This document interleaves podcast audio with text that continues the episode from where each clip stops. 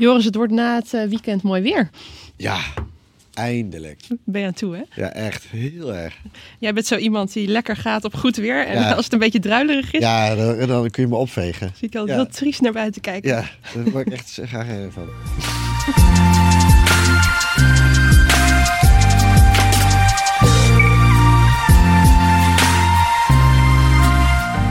Goed, we gaan beginnen. Goedendag en welkom bij De Week van Nu. Mijn naam is Lindsay Mossink en ik ben redactiechef bij Nu.nl. Je luistert naar de wekelijkse podcast waarin we met drie redacteuren de week die was doornemen.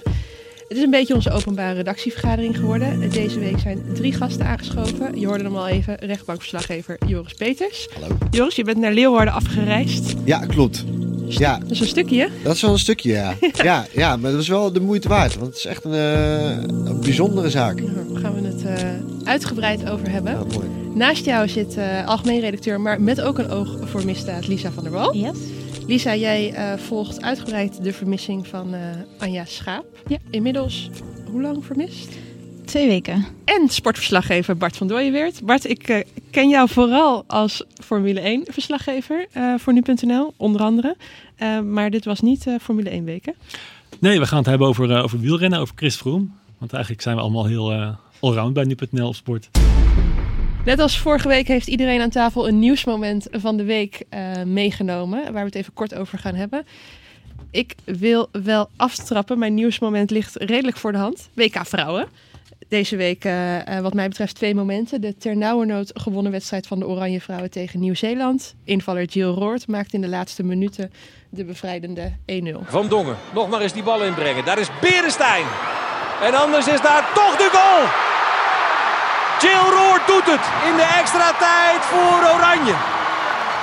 Einde besluiteloosheid. Goed werk ook van Berenstein na die prima voorzet vanaf de linkerkant. 1-0 Nederland. Is het toch gelukt zonder goed te spelen. Kun je je emoties beschrijven als je ziet dat die bal erin rolt? Oh, pff, ja, echt van alles en helemaal niks voelde ik eigenlijk. Nee, ja, gewoon eh, heel opgelucht. Allereerst natuurlijk dat we drie punten hebben, maar ook voor mezelf. Ik zit al heel lang op zo'n moment te wachten eigenlijk. En dat het dan nu valt in de laatste minuut op zo'n belangrijk moment is pff, ja, bizar. Ja, Jill Roord, de eeuwige nummer 12 van eh, de Oranje Vrouwen. Dus wat dat betreft mooi dat zij het goal maakt. Ander eh, moment is toch ook wel, eh, Bart, de 13-0 overwinning van de Verenigde Staten op Thailand. Eh, wat mij betreft. Ja, dat was een klein, klein krasverschilletje geloof ik hè? Ja, ja, nu is het nu niveauverschil tussen de VS en Thailand eh, überhaupt wel heel groot natuurlijk. Maar ze gaven goed gas. The United States did score six goals, 2 nothing US. It's 3 nothing, 4 nothing. Quick shot, go. 6 nothing. but just to avoid concern, they kept going. Go. There's another. 9 nothing. Quick shot, 10 nothing US. There's the 11. Shot, go.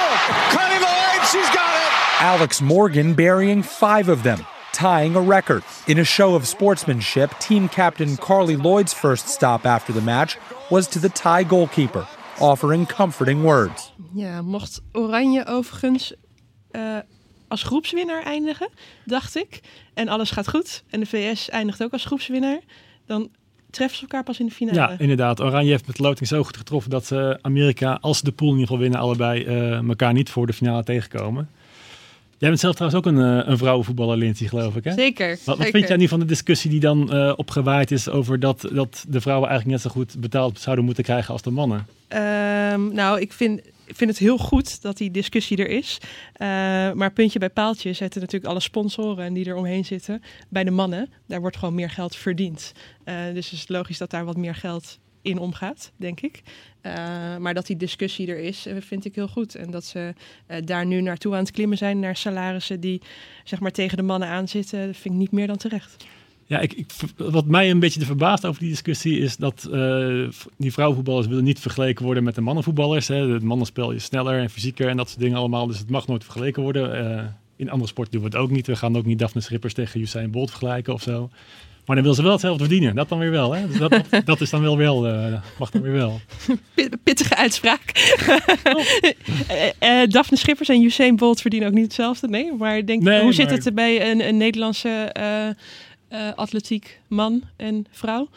Nou ja, die hebben, moeten natuurlijk vooral van, eh, van eigen sponsors hebben. Ja. En eh, ja, Daphne Schippers is dan voor sponsors best wel interessant omdat Ja. het goed is. Misschien niet zo interessant als Usain Ja. Bolt. Maar dit, dit salaris komt uit, gaat uit van de bond, toch? Ze hebben het nu over het, het salaris van de KNVB. Ja, En dan, als je dan kijkt naar de prestaties van de vrouwen ten opzichte van de mannen, de afgelopen twee toernooien waren de mannen er niet bij. De vrouwen wel. Er worden zelfs Europees kampioen. Dus wat dat betreft, op bondsniveau snap ik het wel. Op, op, op wereldniveau vind ik het een ander verhaal. Maar dat je dit dus juist gelijk gaat trekken. Eh, Ja, maar als je bijvoorbeeld kijkt wat een vrouwenhockeyploeg, een vrouwenhandbalploeg of volleybalploeg verdient ten opzichte van de voetbalploeg, die verdienen echt veel minder dan die voetballers. ja, precies. Maar dan krijgen we dus inderdaad hoeveel geld gaat erin om. Ja, En dan, dat is minder. dat, is eigenlijk logisch. minder- Eigenlijk zijn Ja. sporters gewoon entertainers en hoeveel publiek erop afkomt, hoeveel sponsor erop Ja. afkomt, zoveel Ja. verdien je eigenlijk. En Ja, of nou dat is wel waar. harder traint of, zo- of minder hard, ja, dat doet niet echt de zaken. Nee, true. Daar gaat deze podcast niet over. Maar ik ga het ook even. maar dit is eh, absoluut wel een interessante discussie natuurlijk. Lisa, wat Ja. heb jij meegenomen voor ons? Eh, de redden in Hongkong. Geen Dat, voetbal? eh, nee, Jeetje, sorry. ik wil dat we het hele podcast over voetbal zouden hebben. Haatsport. Sorry. Welkom hier aan tafel. Eh, ja, nee, in Hongkong zijn er deze week inderdaad eh, meerdere keren flinke rellen geweest vanwege een, eh, een wetsvoorstel. Wat eigenlijk woensdag besproken zou worden, maar eh, dat is natuurlijk allemaal uitgesteld. Het gaat over de uitlevering van eh, verdachten uit Hongkong eh, naar China.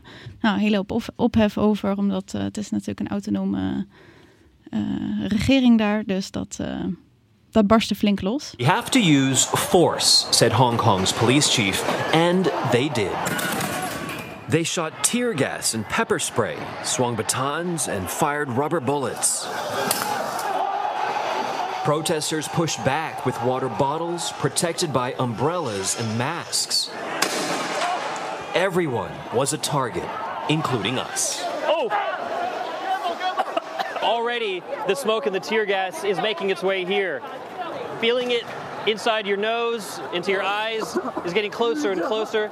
Ja, best wel eh, heftige geluiden. Zo. Ja, heel heftig. Er zijn ook tientallen mensen gewond geraakt. Een paar ernstig. We Mhm. weten niet precies de toestand van die mensen. Maar eh, ja, het, eh, het ging echt los daar. Ja. ja. Bart, wat heb jij meegenomen?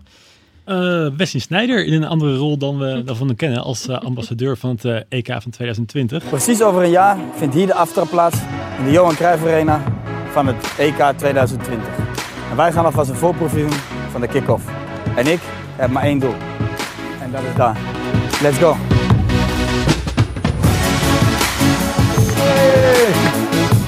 Volgend jaar de echte aftrap. Ben jij erbij? Want we vieren het met elkaar. Eén doel. Ja, het is vandaag eh, precies één jaar tot het start eh, van de eerste wedstrijd van het eh, EK 2020 in Amsterdam. Er zijn vier wedstrijden van het EK in, in Amsterdam. De kaartverkoop is ook deze week begonnen. Eh, het EK wordt in twaalf verschillende landen gespeeld. En eh, in het eerste uur zijn er al 300.000 aanvragen voor kaarten eh, gedaan. Het is best Terwijl- wel gek, toch? Ja, er is nog geen land wat zich geplaatst heeft. En, Nee, maar dat maar- het in dit, ik vind het toch fascinerend dat dit EK in allerlei verschillende landen wordt gespeeld. Dan, ik weet niet wat dat doet met het toernooigevoel of zo. Maar- Nou ja, er zijn natuurlijk heel veel ploeg, eh, mensen die hun eigen ploeg in, het land, in hun eigen land eh, kunnen zien. Dus ja, het lijkt mij wel een mooi toernooi. En Hm. ja, qua afstand is het natuurlijk groot, maar dat is niet groter dan wanneer je een eh, WK in Brazilië of in Rusland of in Nee, Amerika nee, nee. hebt of zo. Dus, Ga jij, Joris, als voetballiefhebber? Ik heb nog geen eh, ticket gekocht. Nee. je hebt hier nog een maand om je in te schrijven. Ja. De goedkoopste in de Johan Cruijff Arena zijn 50 euro. Ehm, en dan gaan ze gewoon loten. Dus je Ja. doet ook niet first come. Nee, ja, het is goed dat ik er nu op word gewezen. Ja. Dus dan, eh, dan kan ik straks gelijk even inloggen. Ik, was hier nog, ik had hier nog even niet bij stilgestaan. Kan ik niet. Joris, Ja, wat heb jij mee? ja ik, heb, ehm, ik zag een bericht op nu.nl over dat eh, onderzoekers zeggen dat over 80 jaar, of binnen 80 jaar, een zesde van het zeeleven is verdwenen als we op deze manier doorgaan. Oftewel met de opwarming van de aarde en dus de zee. En ook de visserij, denk ik, toch? Eh, nee, dat speelt in dit geval niet, niet een rol. Dus het gaat echt om de opwarming van de zee. En dat er gewoon eh, dan zoveel eh, vissen, maar ook andere soorten als plankton doodgaan, waardoor vissen zich weer niet kunnen voeren, voeden. Ja, een zesde van het zeeleven. Als ik dat altijd, dan moet ik mezelf altijd een beetje knijpen. Ik weet niet, eh, oh, maar en dat- ik weet niet of mensen dat hebben. Hmm. Maar ik heb dat wel. Ik ben zelf ook niet een ik probeer daar wel een beetje op te letten, maar met hele kleine dingetjes. Ik scheid dan plastic. Maar als ik dit dan zie, denk ik, oh ja, ongelooflijk. Dus ik vind het echt, ja, ik vind dat bizar. Maar een zesde in 80 jaar klinkt toch wel alsof het nog met maatregelen eh, voorkomen kan worden. Of, ik, heb er geen verstand van. Ik, maar- eh, ik, ik help het je hopen. Maar ik bedoel, hè, het, het, is, het, is onan, het is niet tastbaar. Uh, als we het hebben over mensen, dan, dan, dan schreeuwen we moord en brand. Maar dit is volgens mij, dit staat erop en we gaan, eigenlijk gaan we gewoon weer verder. Ik, ik denk ook wat het, wat het eng maakt, is omdat de kinderen die nu geboren worden, gaan dit nog meemaken. Nou ja, bedoel, hè, ook- de- ja. Het is zo snel. Het is snel, je? ja. Ja. ja. En dat, ja, dat besef moet af en toe even, iedereen moet het hebben. Zeg van, jongens, als we zo doorgaan. Maar wat zijn ook de gevolgen hiervan dan, al- als dit gebeurt? Nou, er stonden zelfs in dat artikel stonden ook dingen als in straks krijg je misschien de oorlogen om water. Omdat we dan gewoon eh, wie de recht van de sterkste en wij, wij willen vis met z'n allen. En dan, dan gaan we wel zien. En als jij vis wil, dan blijf je daar met je poot vanaf. En dan zijn we bereid om daar wapens voor te gebruiken, zou ik zeggen. Dat is natuurlijk nu nog allemaal theoretisch. Maar als je erover nadenkt, niet heel gek. Eh, Ja, dus het, is een, nu- het is een bron van, van, van leven. Ook voor ons mensen als in voeding. Mhm. Ja, en da- als het straks te weinig is, dan, dan gaan we dat op een andere manier afdwingen. Dus waar we nu conflict om olie hebben, krijgen we dat eh, Zeker, ja. 50 jaar voor water misschien. Nou ja, wie weet, ik sluit het zeker niet uit. Nee. Laten we even luisteren naar een eh, fragmentje. For every living thing to do well on the planet, including us, the best thing is to have a wide variety of life living on it. That's called high biodiversity. Of course, right now, the future sadly is looking pretty bleak when it comes to biodiversity. Nature is doing badly. Scientists say that species are going extinct at a faster rate than we've seen for millions of years. Why is this? Well, it's all humans' fault. Lisa. Yes. Sinds de vermissing van eh 33-jarige Anja Schaap uit eh, Katwijk op 29 mei is de politie met man en macht op zoek naar haar. Jij volgt het. Klopt. Voor ons.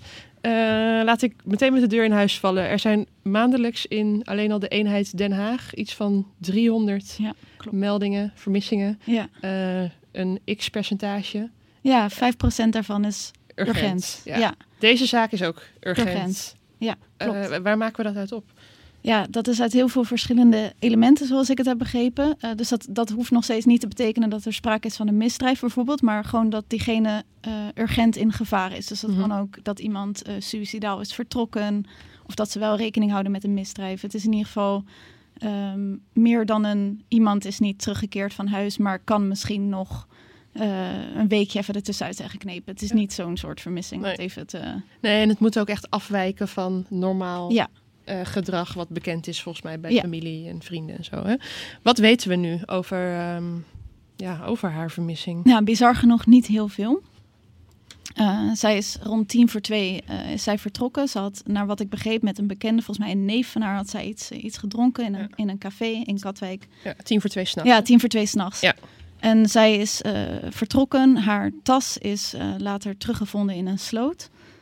Eh, met haar telefoon daarin en andere persoonlijke eigendommen. Mhm. Zij zelf is nooit, eh, naar wat wij weten, thuis aangekomen. Ze is eh, rond kwart voor vier s'nachts, dus bijna twee uur later, is zij nog gezien op camerabeelden. Wat weer afwijkend is van de route naar haar huis toe. En sindsdien niks meer. Nee. Wat is er nou met name opvallend aan zeg maar haar vermissing? Nou, een paar dingen. Eh, allereerst is dat dit niet iets voor haar was om, om dit zomaar opeens te doen. Ook de, de timing is heel raar. Je hebt net een, een gezellig een, eh, een avondje gehad met een bekende in een café. En ook wel dus dat, er, eh, dat haar tas in een sloot werd teruggevonden, maar voor de rest geen spoor van haar in die sloot gevonden is. En dat ze dus opeens weer een paar uur later toch weer op camerabeelden te zien was. Van waarom zou je eerst richting je huis lopen en dan toch weer teruggaan? Weet je, dat, dat, dat roept ook vragen op van hoe dat dan gegaan is. Of was ze met iemand? Dat, dat weten we gewoon allemaal niet. Nee. Nee, want haar tas en eh, met telefoon geloof ik, die zijn best Ja. wel dicht bij haar huis ja. gevonden. En vervolgens is zij op camerabeelden weer, nou ja, terug. die Richting het café weer, ja. ja. eh, gesignaleerd. Wanneer besluiten wij nou om eh, hierin in te stappen of, dit, of te melden dat zij zoek is? Ja, er- dat- hoe doen we dat? Dat is echt ontzettend moeilijk. Want we hadden dit, eh, volgens mij vrijdag, zaterdag, eh, had, had ik het gezien. En dan denk je nog van oké, volwassen vrouw, gaan we even afwachten. Kijken of het misschien toch suïcide is of eh, eh, dat er mogelijk een misdrijf eh, hier heeft plaatsgevonden. Toen werd Mhm. ik zaterdag gebeld door de redacteur die toen eh, dienst had van goh, eh, er zijn er toch zoekacties in haar tas gevonden, raar verhaal. Ehm, nou, toen hebben we toen besloten om erop in te springen, omdat het toch verdachte omstandigheden waren. Ehm, dus eigenlijk laten we het vooral daarvan afhangen. Ik, ik weet ook nog, nou, ja, natuurlijk Anne Faber, om daar, eh, dat duurde ook bij ons eventjes voordat Mhm, wij daarop ja. insprongen. Omdat we toen ook dachten van misschien was het een ongeluk, misschien... Wat was het Eh, moment bij Anne Faber dat we insprongen? Weet je eh, zij was op oh, vrijdagavond vermist en op maandagochtend zijn we ingesprongen. En was er een soort van, wat, wat was het ding, zeg maar, dat maakte dat we daarbij insprongen? Eh, toen hebben wij met de politie gebeld. Mhm. En die zei toen van... eh, natuurlijk houden we rekening met dat ze mogelijk... eh, dat er iets is gebeurd. Ja. Van, bij wijze van spreken dat ze in noodweer terecht is gekomen... en toen ten val is gekomen, ik noem maar iets. Hmm. En, eh, maar er, daar was toen al twijfel over. En er waren al enorme zoekacties dat we toen toch dachten van... dit zit niet helemaal goed. Nee. Ja, en toen werd haar jas natuurlijk ook gevonden. En toen dachten we helemaal van, dit is niet goed. En vaak is het ook zo, hè, er worden ontzettend vaak aangifte eh, gedaan van Ja. vermissing in Nederland. Voor mij 20.000 keer per jaar of zo. Waarvan eh 80, 90 procent binnen één of twee dagen weer, Ja. weer terugkomt, om wat voor reden dan ook. En vaak is het ook wel zo, als de politie met allemaal gegevens naar de media toe gaat, van, dan, is, dan weet je ook wel eigenlijk Ja. van hier is, is niet Hier aan de is hand. iets, eh, hier ja. Eh, is of een ongeluk of, of iets eh, nog veel ergers gebeurd. Ja.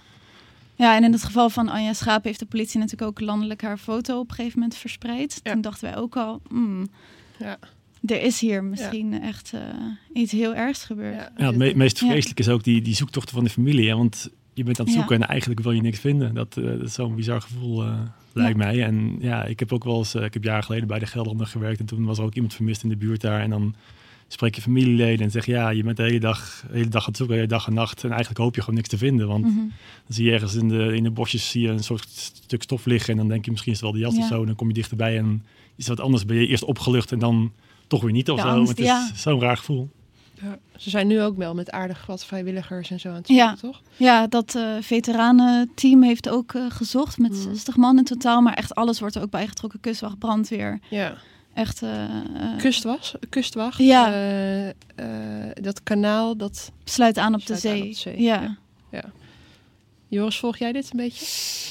Nou, de- ik, ik, ik, weet, ik weet een beetje waar het over gaat. Maar eh, nee, ik heb, moet, ik heb het de laatste tijd niet heel erg strak gevolgd.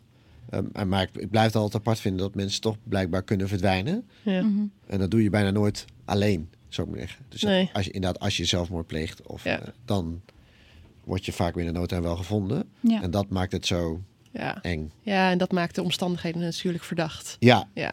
Ja, dus, eh, Lisa, heb jij recent nog met de politie gesproken? Eh, ja, dat was eh, uit mijn hoofd gisteren voor het laatst.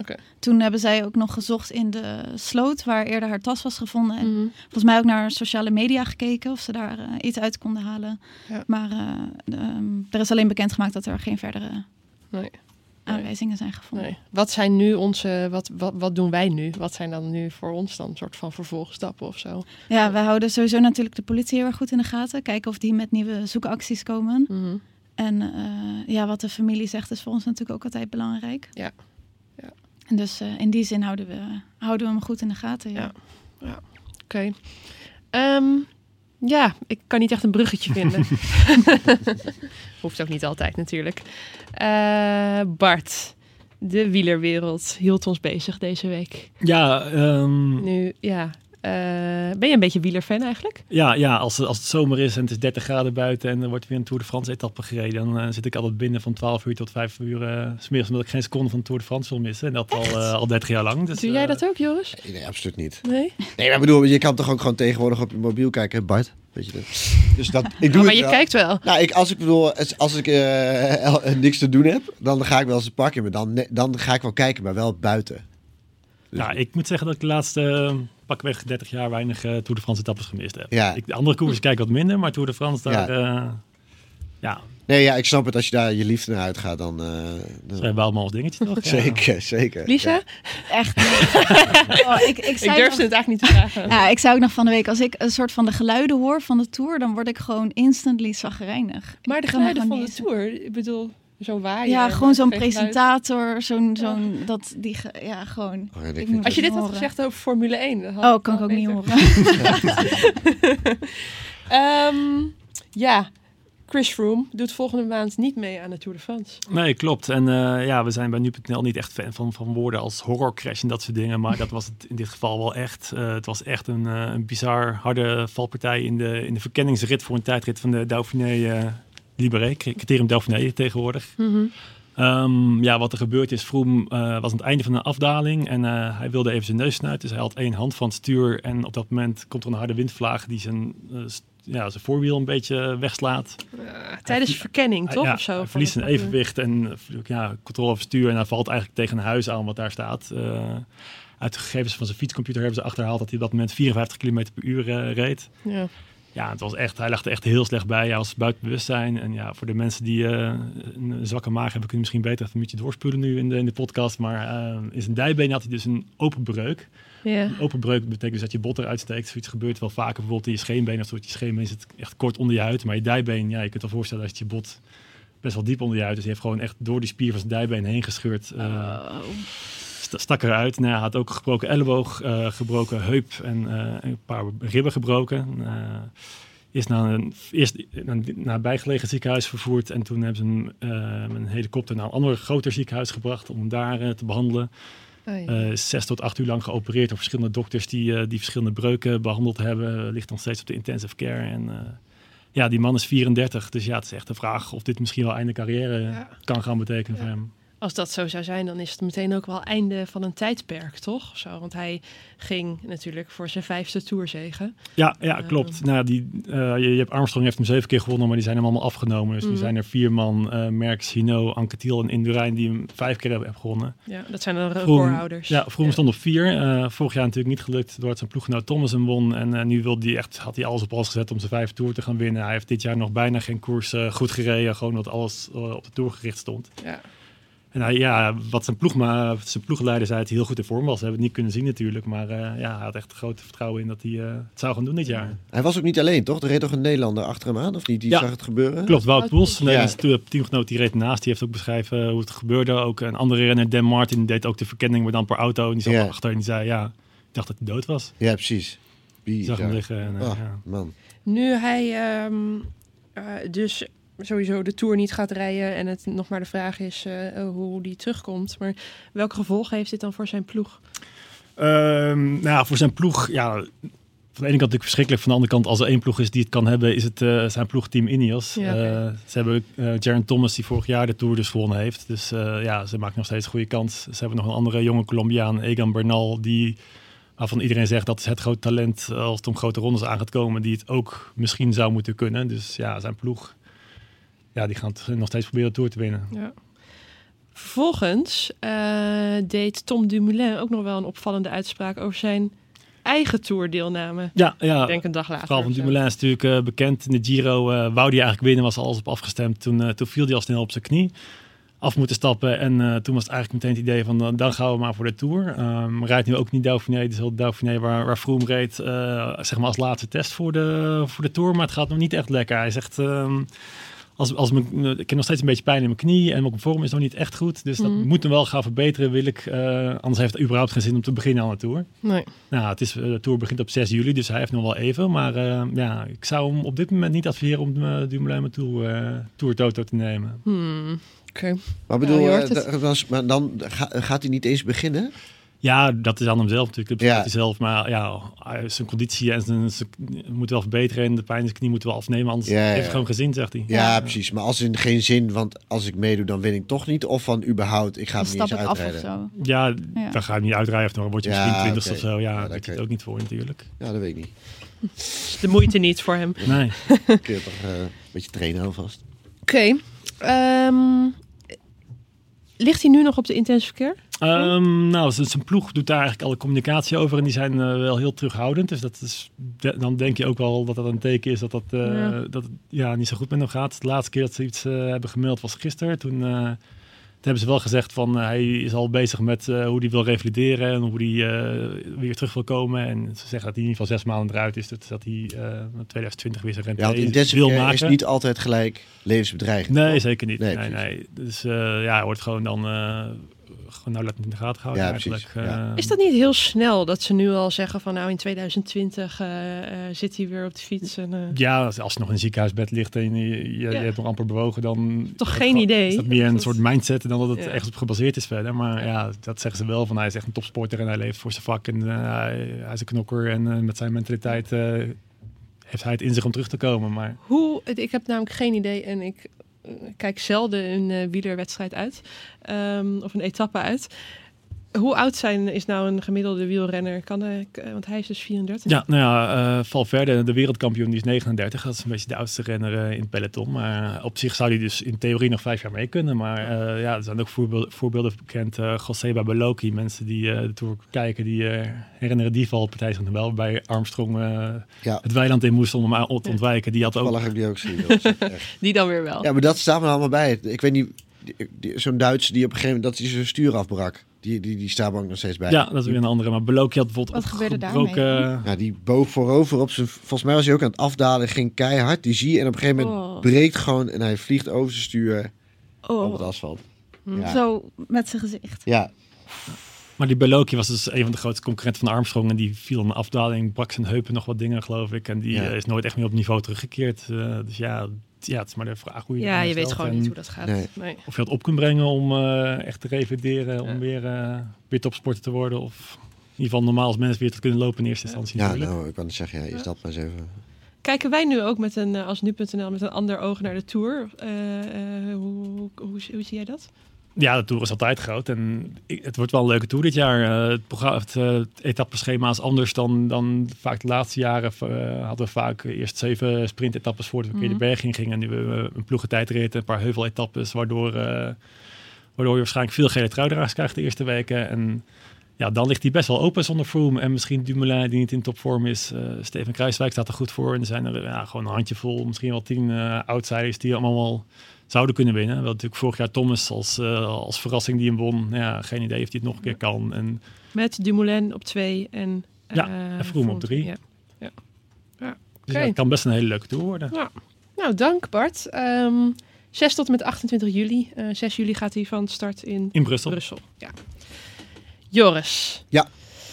Ehm, door de week heen zijn er echt tal van zaken waar je heen kan. Ja, Volgens mij eh, eh, eh, is het best wel lastig om keuzes te maken. Hoe Is- maak je die? Ehm, nou, dan kijk ik altijd waar kan ik heen en waar is het nou belangrijk om een verhaal over te maken en vooral om dit uit te leggen aan de lezer. Ja. Dus in hoeverre kan ik nou een bijdrage leveren door naar de rechtbank te gaan en echt het verhaal te vertellen van wat er van wat daar gebeurt en wat er speelt. ja. Eh, de zaak eh, rondom de dood van Tjeerd van Ja, Zeggeren ja. is daar één van. Dat is, ja, Ja. dat is er zeker één. Waarom? En nou, dat komt omdat eh, er ontbreken gewoon heel veel puzzelstukjes. Mhm. Even kort samengevat, zijn vrouw, in nu inmiddels een weduwe, wordt verdacht van het doden van Tjeerd. Ehm, en dat was in juli 2017. Ehm, nou zijn er alleen een paar dingen die ontbreken. Dat is één, een moordwapen. Twee, ze gaan ervan uit dat deze mevrouw dat niet zelf heeft gedaan, want Tjeerd was 1,90 meter. Hij is op zijn hoofd geslagen. Dus deze vrouw, dat, dat zij hem fysiek zou overwinnen, dat, dat, die kans is klein. Ja. Maar wie dat is, dat weten ze eigenlijk niet. Eh, en drie, niemand heeft het echt zien gebeuren. Dus je hebt het lichaam van Tjeerd, dat is gevonden. Mhm. We weten dat die vrouw daar op korte afstand was. Dat geeft ze ook toe. Maar ze zegt, ja, ik wilde mijn man ophalen van Ja. een muziekfestival. Ik zag hem niet. Mijn telefoon stond uit, dus ik kon hem ook niet bellen. Toen ben ik weer naar huis gegaan. Mhm. En de volgende dag vinden ze hem. Ja. Alleen er zitten zoveel stukjes dat je denkt, ja, maar dat, dit klopt niet helemaal. Nee. Dit klopt niet helemaal. En het kan zomaar zijn dat jij het hebt gedaan. Ja. Maar krijg je het ook rond? Ja. Nou, en dat was echt wat zich de twee dagen Ja. heeft afgespeeld. Ben jij nou inderdaad degene die dit heeft gedaan? Zij ontkent dit echt Stellig. Ja, Ja. ze is echt ongelooflijk fel en ze Ja. laat zich niet zomaar... Nee. Wat ze ook zegt, ik, ik laat me niet zomaar dingen aanpraten. Nee. Maar het OM is er eh, heilig van overtuigd Ja. dat zij betrokken is bij de dood van... ja, eh, en ja. De, de- hij, de officier van justitie zei het gisteren wel mooi. Ik weet even niet van wie de quote kwam, maar hij legt het uit van... Als je naar de andere scenario's kijkt, wat Mhm. er is gebeurd... die kunnen we eigenlijk zo erg uitsluiten... Dat er nog maar één ding overblijft. En dat is eigenlijk dat deze vrouw het heeft gedaan. Maar dat lijkt me niet genoeg om iemand te veroordelen, toch? Nee, precies. Ik bedoel, dat is een hele korte samenvatting. En in twee dagen kom je natuurlijk met heel veel bewijzen. En ze zeggen eigenlijk, ja, mevrouw, u bent daar geweest op het moment dat deze man is overleden. Eh, we zien dat u uw telefoon heeft uitgezet en niet dat hij is uitgevallen, zoals u zegt. Er worden dan drie experts zijn over gehoord. En je kan gewoon in je telefoon kan je zien. Die maakt blijkbaar een notitie als hij wordt uitgezet. En als je telefoon uitvalt, heeft hij daar de kracht niet voor. En dan doet hij dat niet. En in dit geval is dat wel gebeurd. En dan zeggen ze, eh, er zitten allemaal DNA-sporen op het lichaam van deze man. Nou, dus op zich zou je denken is niet opvallend, want deze mensen wonen samen. Ehm, maar het gaat ook om eh, vaginaal vocht. En dat is op zich vreemd. Want deze man stond bekend als een hele propere man. En het zat bijvoorbeeld ook aan zijn vingers. En ook aan de binnenkant van zijn eh boxershort. Dus wat het vermoeden is, is dat deze vrouw, eh, toen ze haar man ontmoette in het weiland, dat zij mogelijk wel seks heeft gehad. En dat ze dat heeft gebruikt als een soort afleidingsmanoeuvre. Waardoor een tweede persoon eh, hem kon slaan. Ja, maar en dat is zijn allemaal. Dat zijn natuurlijk, in wa- wat je altijd terecht zegt, het zijn een soort aannames. We hebben het niet op beeld. Maar het lijkt er wel zo verdacht veel op. Dat als je alles bij elkaar optelt. Dat zij zeggen: nee, sorry, dat dit, het kan niet anders zijn dat, jij, dat jullie elkaar zijn tegengekomen. Die man is op dat tijdstip overleden. Eh, mensen hebben je daar ook gezien. Maar ze kunnen toch ook eerder op de dag seks hebben gehad dan die... eh, Ja, dat klopt. Maar dat, dat, en dat zegt die vrouw ook. We hebben die eerder die dag seks gehad. En hij heeft zich volgens mij niet gedoucht. En dat vinden ze een beetje een vreemd verhaal. Deze man was eigenlijk vrij netjes. Je mocht niet eens aan zijn haar zitten, dan werd hij al een beetje kwaad. Dus het is, het is niet logisch dat hij daarna niet is gaan douchen. Dat hij dezelfde boxshort weer aan heeft getrokken. En het zat ook op zijn knopen, zou ik maar zeggen. En, maar jij zegt van zij heeft hem afgeleid eh, en iemand anders heeft hem geslagen. Weten ze ook wie die ander dan is? Hebben ze Nee, nee, ze hebben ooit zijn, eh, haar ex-vriend aangehouden in eh, Duitsland. Zij vermoeden dat hij een rol erbij had. Maar die had eigenlijk voor dat weekend had hij een sluitend alibi. Dus die hebben ze weer vrijgelaten. Dus ze vermoeden wel dat haar familie een rol heeft gespeeld. Ze zien ook dat haar moeder op 8 juli in Nederland is geweest. Eh, die heeft dan een sms'je ontvangen van welkom in Nederland. Mhm. Die zet op een gegeven moment ook haar telefoon uit. Eh, en haar oom is ook in Nederland geweest. Maar ook die zet, net rond de periode dat die man is overleden, zijn telefoon uit. Allemaal heel verdacht. Alleen, ja, nog niet concreet niet, genoeg ja.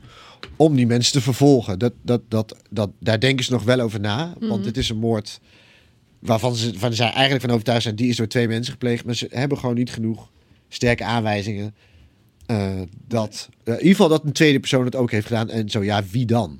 Ja. Ja. Maar waarom zou zij haar man willen vermoorden? Ja, het- dat, dat motief hebben ze onderzocht. eh, en zij denken eigenlijk gewoon de haat. Zij, zij, zij, zij, hadden een enorme vreemde relatie. Altijd sinds 2016 eh, hadden ze eigenlijk plannen van elkaar te scheiden.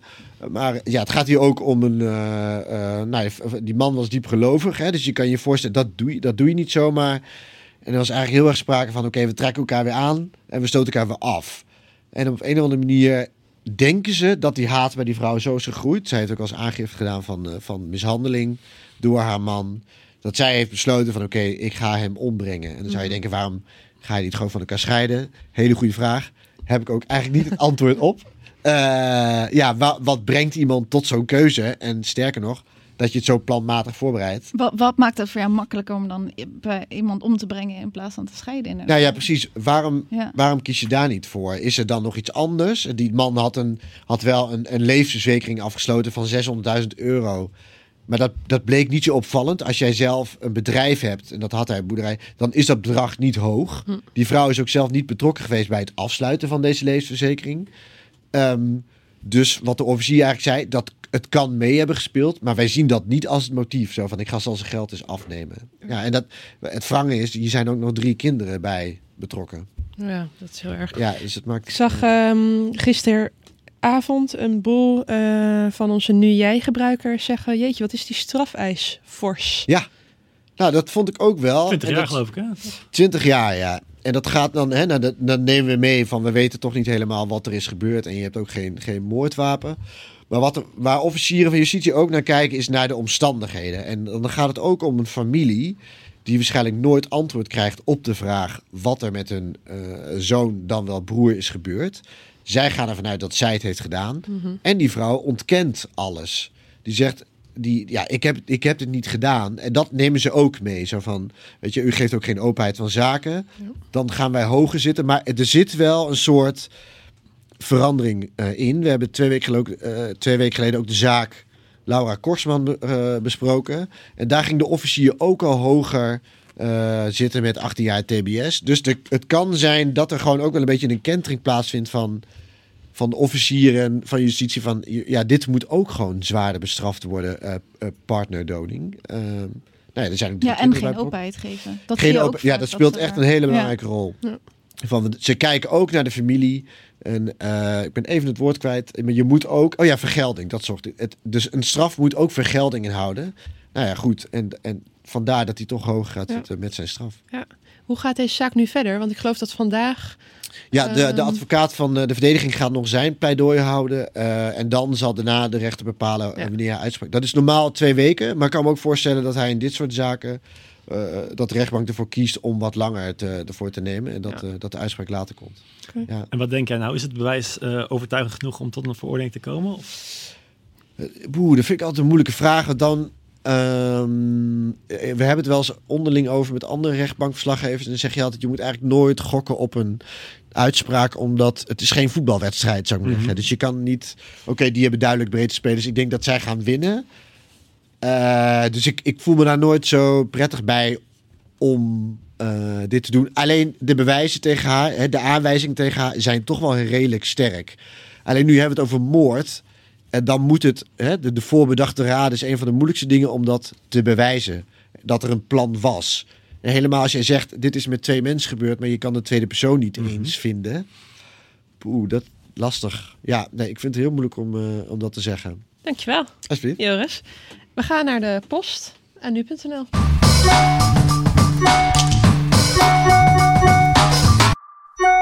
Ja, we hebben ehm, feedback gekregen op de app via de Play Store van Richard van Raak. Richard, je krijgt een eh, nu.nl verrassingspakket thuisgestuurd. Als je even een mailtje stuurt naar redactie.nu.nl met je gegevens. Eh, hij zegt, prima app, werkt voortreffelijk en geeft mij mijn dagelijkse nieuws. Alles wat ik moet en ook wil weten, luchtig, maar ook serieus als het moet. Ga zo door. Er is echter één opmerking. Mag het wat minder met voetbal? Oh, Richard. Dankjewel. Er zijn nog zoveel andere sporten die interessant zijn, Lisa. Maar bedoelt, bedoelt Richard dan vrouwenvoetbal?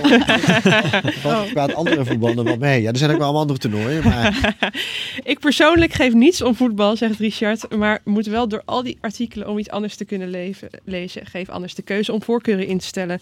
Bart, ehm, overheerst voetbal bij ons? Ehm, nou ja, voetbal is wel onze, onze grootste sport bij nu.nl. En dat, eh, ja, dat doen we niet zomaar, want wij letten echt wel goed op eh, hoe goed artikelen gelezen worden en eh, de per sport. En daarom zijn we ook bijvoorbeeld afgelopen veel jaren veel meer over Formule 1 gaan schrijven. En ja, wij proberen gewoon een zo goed mogelijk nieuwsaanbod te maken voor, eh, voor ja, de gemiddelde Nederlander, om het zo maar te zeggen. Hmm. En daar En hoort daar zit voetbal bij. nou eenmaal jou veel voetbal bij inderdaad. En ehm, ja, eh, meneer Van Raak wil ik dan zeggen van eh s- scroll naar de bericht die je wel interesseert. Ja, je Nou, ik hoeft niet alles te lezen, weet je wel. Ook wel goed nieuws voor eh, meneer Van Raak. Want we zijn eh, absoluut bij nu.nl ook bezig met eh, het hoofdstuk personalisatie. Dus eh, Dat is ook waar. Komt goed, kan Dan, ik allemaal eh, uitschakelen. kan die voetbal er helemaal uitfilteren als die wil. Maar ja, het is niet omdat we, dat we voetbal zelf leuk vinden dat we er veel over schrijven. nee, nee. Echt wel naar de, we hebben het er alleen wel heel veel over. dat is waar. Oké, de agenda eh, voor volgende week. Zaterdag wordt weer de eerste mis in de Notre Dame gehouden. In een kapel aan de oostzijde van de kathedraal achter het hoogaltaar. eh, die tijdens de brand bewaard is gebleven. Vanwege de veiligheid moeten de gelovigen wel een helm op. Sorry. Ik, ik wist zag dat dat er iemand moest Ja. Ja, maar dat zie je toch voor. Hoe het Ja, er allemaal? ik ben ook heel benieuwd. Ja, maar eh, God, God zal ze wel beschermen, toch? Het, eh, Maar, maar is er dan nog een soort klein instortingsgevaar of zo? Of- of- ja, dat is apart. Goeie vraag. Zaterdag ook ehm, eh, gaat de Nacht van de Vluchteling eh, van start. Vanuit Rotterdam naar Den Haag, van Amsterdam naar Haarlem, van Utrecht naar Amersfoort en van Nijmegen naar Arnhem. In de nacht van 15 op 16 juni lopen duizenden mensen 40 kilometer uit soli- solidariteit met vluchtelingen in de wereld. En zaterdag om 7 uur 's ochtends vertrekt een stoet van 20 tot 25 bussen, jawel, vanaf de KNVB campus in Zeist naar Valenciennes. Eh, in de bus zit uiteenlopende passagiers van jeugdteams tot commerciële partners van de KNVB. En die eh, gaan natuurlijk naar Nederland-Cameroen. Eh, de Oranje Vrouwen spelen om drie uur. Zondag is het Vaderdag, niet te vergeten, jongens. Eh, en de verkiezingen in Guatemala. Maandag gaan koning Willem-Alexander en koningin Maxima naar Windsor en Royal Ascot. En maandag wordt de koning door koningin Elizabeth geïnstalleerd tot ridder in de orde van de kousenband. Klinkt ook een beetje als Prins Carnaval, toch? De de orde van de kousenband? Ja. Nou, dit is de oudste en hoogste ridderorde van het Verenigd Koninkrijk. En maandag hoor je daar alles over bij Carné in zijn ochtendpodcast. Eh, maandag ook ehm, de nieuwe talkshow bij RTL 4 met Art Royakkers. Het gaat zomer met Art heten. Dus elke werkdag om half elf 's avonds te zien bij RTL 4. En leerlingen van een school in Eindhoven mogen hun Duits examen opnieuw maken. Een docenten van het VMBO is op staande voet ontslagen nadat ze leerlingen had geholpen tijdens hun examen Duits. Het gaat om 17 Mogen ze hem opnieuw leerlingen. maken? of moeten ze hem opnieuw maken? Ik ook, ja. Ik denk moeten. Ja. ik denk niet zoveel keuze hebben. Lijkt. Tenzij ze misschien zonder dat examen al geslaagd zijn, maar dat lijkt me sterk. Dinsdag. Ja, dan, dan moeten ze hem toch juist opnieuw maken voor mij, want ze zijn geholpen door een leraar. Dat mag niet. Nee, dat is waar. Ja. Ja. Moeten. Dinsdag, Joris. Ja. Uitspraak van het hoger beroep eh, over het verbod van motorclub Satudara. ja, toch wel weer interessant. Toch wel, hè? Ja, toch wel. Ja. Ja, er komt dat we, we hebben natuurlijk, nou, we hebben, de, we hebben de bandido's gehad. Ja. Die zijn eigenlijk niet verboden. Nee. En we hebben nog, hebben we al een andere in hoger beroep gehad? Hells Angels toch? Hells- Nee, niet in hoger Oh, je hebt nog niet een hoger beroep, ja. En de Hells Angels. En eh, heel even kort, het verschil zit hem, is het nou één grote vereniging, ja of nee? En bij de Hells Angels was dat heel duidelijk. Er zit gewoon een soort moederclub in de Ja. Verenigde Staten en die stuurt iedereen aan. Ja. Nou, dan ben je één vereniging, kan je verboden worden. In het geval van de Bandido's zei de, ho- de hogere rechter, zei nee, dat was er niet. Het zijn allemaal losse eenheden. Ja. En jullie hebben gevraagd om verbod van de vereniging. Oh ja. dus ja, want je hebt al die verschillende. Ja. eh, ja en in het geval van Satudara, ik ben niet helemaal aan thuis, maar naar mijn weten ding, zit er niet een overkoepelende organisatie in het buitenland. Maar misschien kan je alsnog van Nederland dan weer zeggen, het is wel één vereniging en blijft het verboden. Dus toch weer. Ja. Interessant. Ben je daarbij? Eh, is het dinsdag? Ja. Ja. Ah, mooi. Neem we meteen. Dit is een redactievergadering, hè? Ja. Eh, dinsdag ook eh, de loting van de eerste kwalificatieronde en de tweede kwalificatieronde voor de Champions League. Dat betekent dat we ook horen tegen wie PSV speelt. Ehm, en dinsdag, ik kom echt, ik doe heel lang over deze weekagenda. President Trump begint officieel aan zijn herverkiezingscampagne voor 2020. Woensdag, Joris, Hier ben ik weer. daar ben je weer. Ja. De uitspraak in het hoger beroep ehm, in de zaak Mitch ja, Henriquez. dat is natuurlijk ook wel weer echt eh, Die zaak speelt ook al lang trouwens. Hè? heel, Heel lang. lang. Ja, heel lang. Ja. En toch, ja, dit, blij, ja, dit eh, is ook wel een van de meest schrijnende zaken die ik heb bijgewoond. Dus ik ben nu ook wel weer heel erg benieuwd. Waardoor, wat maakt het schrijnend? Nou ja, de- omdat het toch wel. Ik, ik, snap die, eh, ik snap die agenten heel goed. Hè? En, je, en jij moet optreden zodra er eh, iets gebeurt. Hè? Dan zijn zij degene die naar voren stappen. Eh, maar ik heb in deze zaak de beelden gezien Mhm. ehm, van deze aanhouding. Eh, en dan, daar, daar schrik je zo van, zou ik maar zeggen. ja, dat is. Nou, dat ging me gewoon niet in de koude kleren zitten. En je, ziet gewoon, je ziet iemand vechten voor zijn leven. En die, dat uiteindelijk overleeft hij dat niet. Nee. En misschien had ik toch wel. Eh, en iedereen heeft het recht om in hoger beroep te gaan. En dat eh, moeten ze ook vooral doen. Eh, Maar maar zijn die agenten die in hoger beroep gaan? ja, agenten zijn in hoger beroep gegaan. Maar ik, ja, ik had eigenlijk toch verwacht dat zij... Zij kregen een onvoorwaardelijke... sorry, een voorwaardelijke celstraf moet ik zeggen. Dus dan ga je niet de gevangenis in. Mocht in principe verder gaan met hun werk, maar dan niet op straat. Dus ik had eigenlijk gedacht, oké, dan laten we het hierbij rusten. Dan ga je toch in hoger beroep. Ja, dat ehm, vond ik toch een bijzondere, bijzondere keuze. Dus ik ben ook wel benieuwd of dat dan... Of dat door een hooggerechter wordt afgestraft. Of dat hij zegt, nee, inderdaad terecht. Zij zijn gewoon Ja. niet schuldig. Ja, nou, ik ben benieuwd. Ja. Donderdag ehm, Weer het WK vrouwenvoetbal. Nederland speelt dan tegen Canada. Dat is de derde wedstrijd in de pool. En die wedstrijd is om 6 uur s'avonds. En de uitreiking van de zilveren Nipco-schijf en zilveren reismicrofoon 2019. En vrijdag, jawel, uh, Maarten van der Weijden doet een nieuwe poging om de Elfstedentocht te gaan zwemmen. De lange afstandszwemmer wil op deze manier geld inzamelen voor onderzoek naar kanker. Vorig jaar moest hij zijn eerste poging na 163 kilometer staken.